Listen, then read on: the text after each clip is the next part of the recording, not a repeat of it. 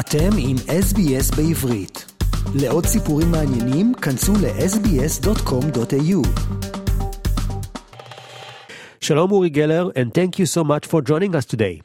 Hey, shalom to everyone in Australia. You know, Australia uh, is uh, kind of set in my heart uh, with memories and nostalgia because I came to Australia 50 years ago. I did a few tours. I'm sure you remember that I fixed broken watches over radio and television. Uh, I remember me myself on Don Lane and the controversy. Uh, there's actually an Australian magician, Ben Harris, who wrote a book about me uh, recently called uh, Bend It Like Geller. Yes, and I'm sure that many of our listeners have uh, heard about you as the greatest Israeli illusionist with many TV appearances and tours around the world. But today I would like to speak to you about something else the tragic events that took place during October the 7th. You know, Israel is supposed to have cutting edge intelligence. It is called the Startup Nation. The IDF is supposed to be one of the best armies in the world, and yet it was totally surprised by the Hamas invasion and massacre that took place on that terrible day. Could you explain the cosmic stuff up from your perspective? Okay, you jumped uh, quite a big leap. Uh, let, let, me let me start. Let me start Amit by by uh, telling you a few sh- things that will shock your listeners. Okay. Let me begin with this that over 1,500 people were slaughtered by Hamas children, babies, elderly, men, women. Uh, children were tortured, babies' heads were decapitated, children were burned alive.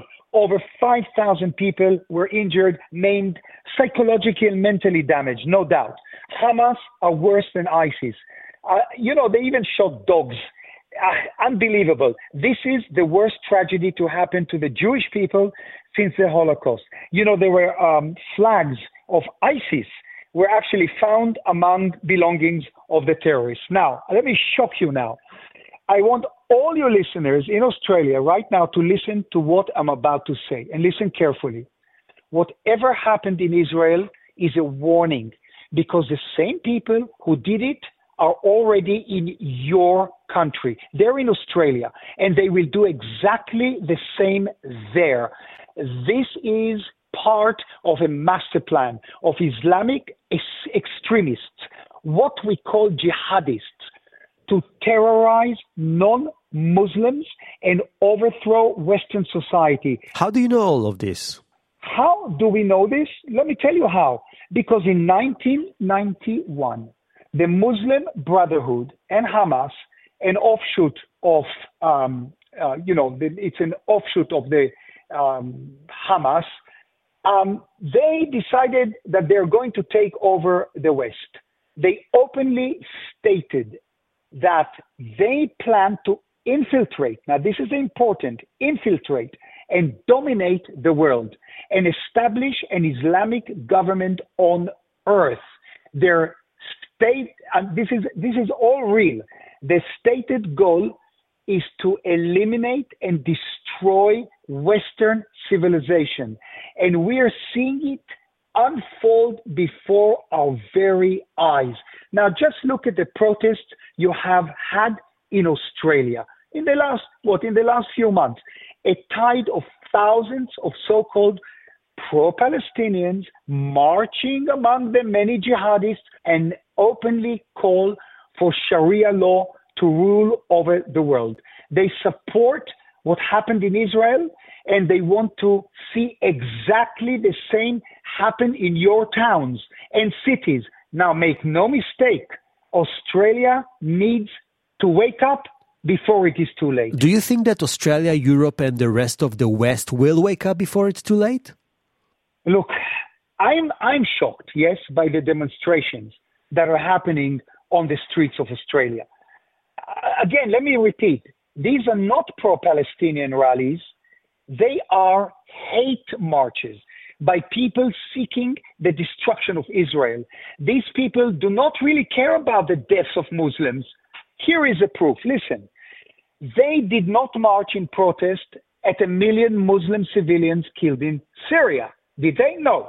They did not march in protest at half a million Muslim civilians killed in Yemen. They did not march against tens of thousands of Muslim civilians killed in Afghanistan. but they march against Israel, which is fighting terrorists in a war of self-defense. And if he, and, and to answer your question, if you don't wake up now, you're finished. Older Israeli veterans always mock the TikTok generations. They said they are spoiled and passive and addicted to the small screens. But after the initial shock of uh, 7th of October, most of the older generation has changed their minds. What can you say about the young generation? Look, the young generations are that them, uh, not everyone, but many of them are poisoned by constant incitement uh, one, let me let me just say this that with a figure of one point one and a half billion Muslims around the world, yes, one and a half billion, probably more worldwide, and there are only 14 million Jews. So the age of internet, TikTok, Facebook, Instagram, uh, Twitter, and I'm all, I'm on all those social media. I have posted so many things about this terrible tragedy. So it's very, very difficult for us to explain the world and to stop the brainwashing of young people, especially in universities around the world. And I want to add another thing, uh, and this, this will probably shock your listeners. Do you know how much Gaza has received in foreign aid in the past few years? I will tell you, approximately 10 billion dollars, billion with a B, from the UN, from the US, from Qatar, and the, and the EU. $10 billion. Can you imagine what Gaza should look like? It should be like Singapore. It should be like Dubai. It should be wealthier than the whole of Melbourne. Now ask yourself, why not? The answer is simple. It's because Hamas has stolen all that money and used it for weapons and tunnels. Its leader, Ismail Haniyeh, does not live in Gaza. Do you know where he lives?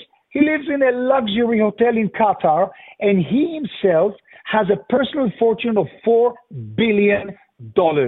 All this while the ordinary people of Gaza are struggling to survive. And what do you think about the younger generation in the Israeli army, all the young soldiers? How do they cope with the war? Let me tell you about the young Israelis who are fighting um, for the survival of Israel because this is a, a very, very tough war, war, both in Gaza and in the north. They're amazing. They are like they are the lions. I, I mean, the moment they were called up to go into the army, the reservists, every people came back to Israel from Australia, from Taiwan, from Tanzania. They came from all over the world to join back into the reserves, into the army, and fight for Israel. Every day I wake up, sadly, tragically, I hear one, this soldier died, another soldier died, three soldiers died. This is a tough war we're fighting. It's, it's a guerrilla war. Uh, it's, it, but our spirit, the young, the young generation in Israel, we see we do have an amazing fighting spirit, and we are seeing it. Uh, you know, this is the toughest war ever. Ask anyone in the American Army, in the Australian Army, Navy, Air Force. We're doing an unbelievable job, and we have to totally destroy Hamas. And, and let me let me add this: that um, you know, the number of Israeli deaths in this tragedy, in the massacre, uh, is the equivalent to as if 36,000 people were killed in a single attack in America. And let me let me add this: Iran, yes, Iran is behind the attack. This is my opinion because it made the conditions right where this attack was possible. The same as Hitler made the Holocaust possible. Now, that, this, of course, is my theory, but hey, I, I'm very rarely wrong. I would like to remind our listeners that we are speaking to Uri Geller, an Israeli illusionist, magician, television personality, and self proclaimed psychic. Let's talk a little bit about anti Semitism.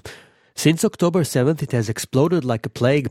How can you explain it? Like you see lots of people got massacred in Israel and you get all those vile protests against Israel and against the Jewish people. You know, uh, the, these people who are doing the demonstrations are, are accusing Israel of uh, genocide. Now, let me say this. Uh, by the way, yes, accusing Israel of genocide in Gaza is absurd. In the last 50 years, the population of Gaza has grown by more than six times. What kind of genocide is it where the population grows? If Israel is committing genocide, then it is doing a very bad job.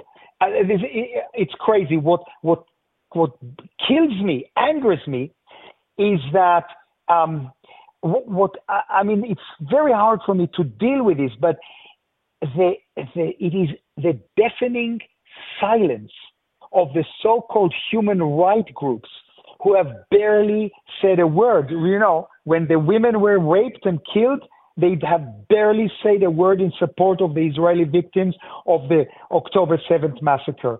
You know, some of the victims who suffered the worst were women. They suffered the most unimaginable sexual violence. They were raped, they were gang raped, they had their genitals mutilated, and then they were killed.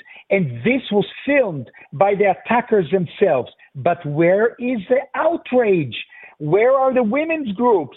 Where are where are the UN women? You know, when Yazidi women were raped by ISIS, these groups loudly condemned it as they should, but they have said nothing about the Israeli women. They ought to bow their heads in shame.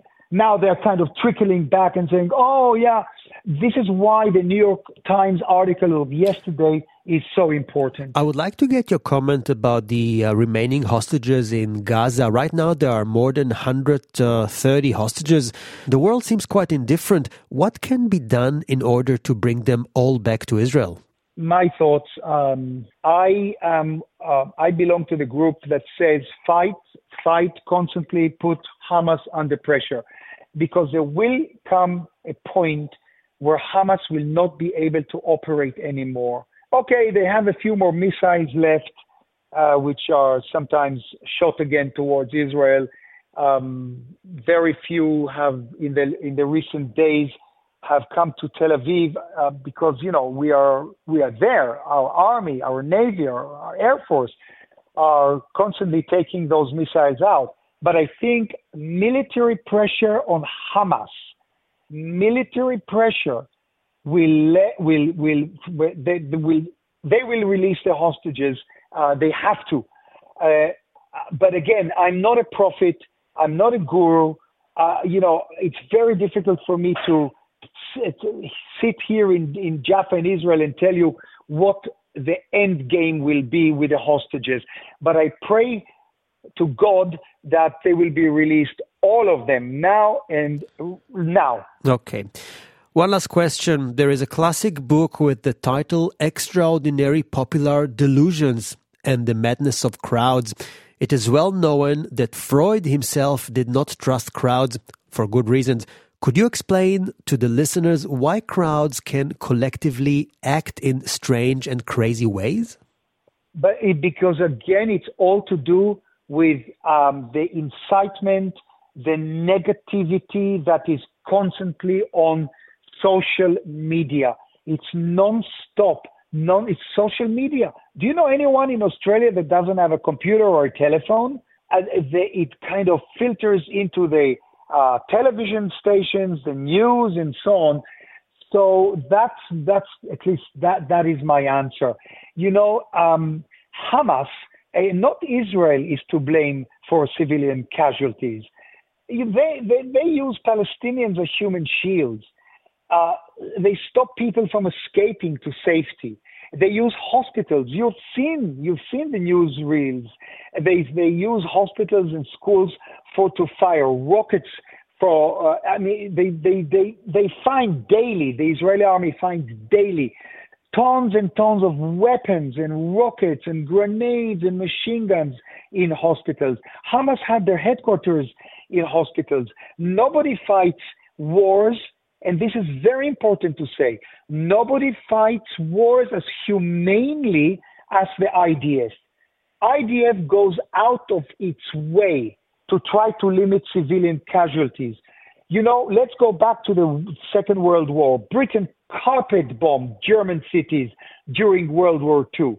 And nobody objected. The IDF could have wiped out Gaza in a few days, in a few hours probably, but instead it is trying to make sure ordinary Palestinians are not harmed. But in every war, Amit, in every war, civilians sadly get killed.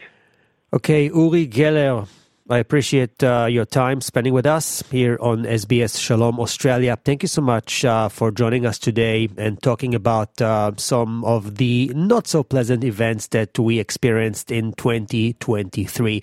Uri, toda rabba. Thank you so much. Toda, toda. And shalom, shalom, shalom. רוצים לשמוע עוד סיפורים? האזינו דרך האפל פודקאסט, גוגל פודקאסט, ספוטיפיי, או בכל מקום אחר בו ניתן להאזין לפודקאסטים.